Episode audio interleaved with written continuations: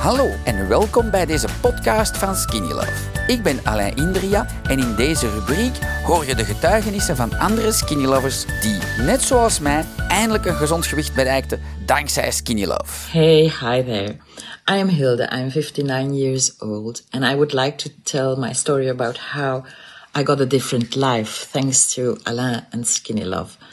I tried to lose weight for years and I tried all kind of diets, but without lasting success. And sometime uh, in May last year, I met Alain and Skinny Love. And then I thought, well, I will try this.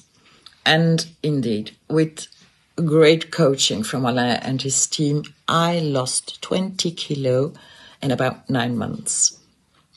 And I didn't really, I didn't feel I was on a diet. I still enjoy eating and I still go out eating now. What it did for me, well, I have now uh, more energy. I can do activities I could no longer do.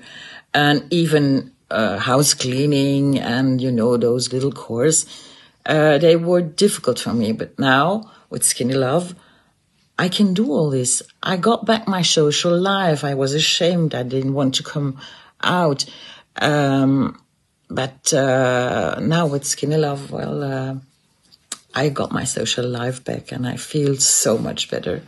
You should really try it, really. And Alain and his team are really, really extraordinary. Dankzij dit verhaal heb je ongetwijfeld zelf ook de motivatie gevonden om van start te gaan. Ik wens jou heel veel succes!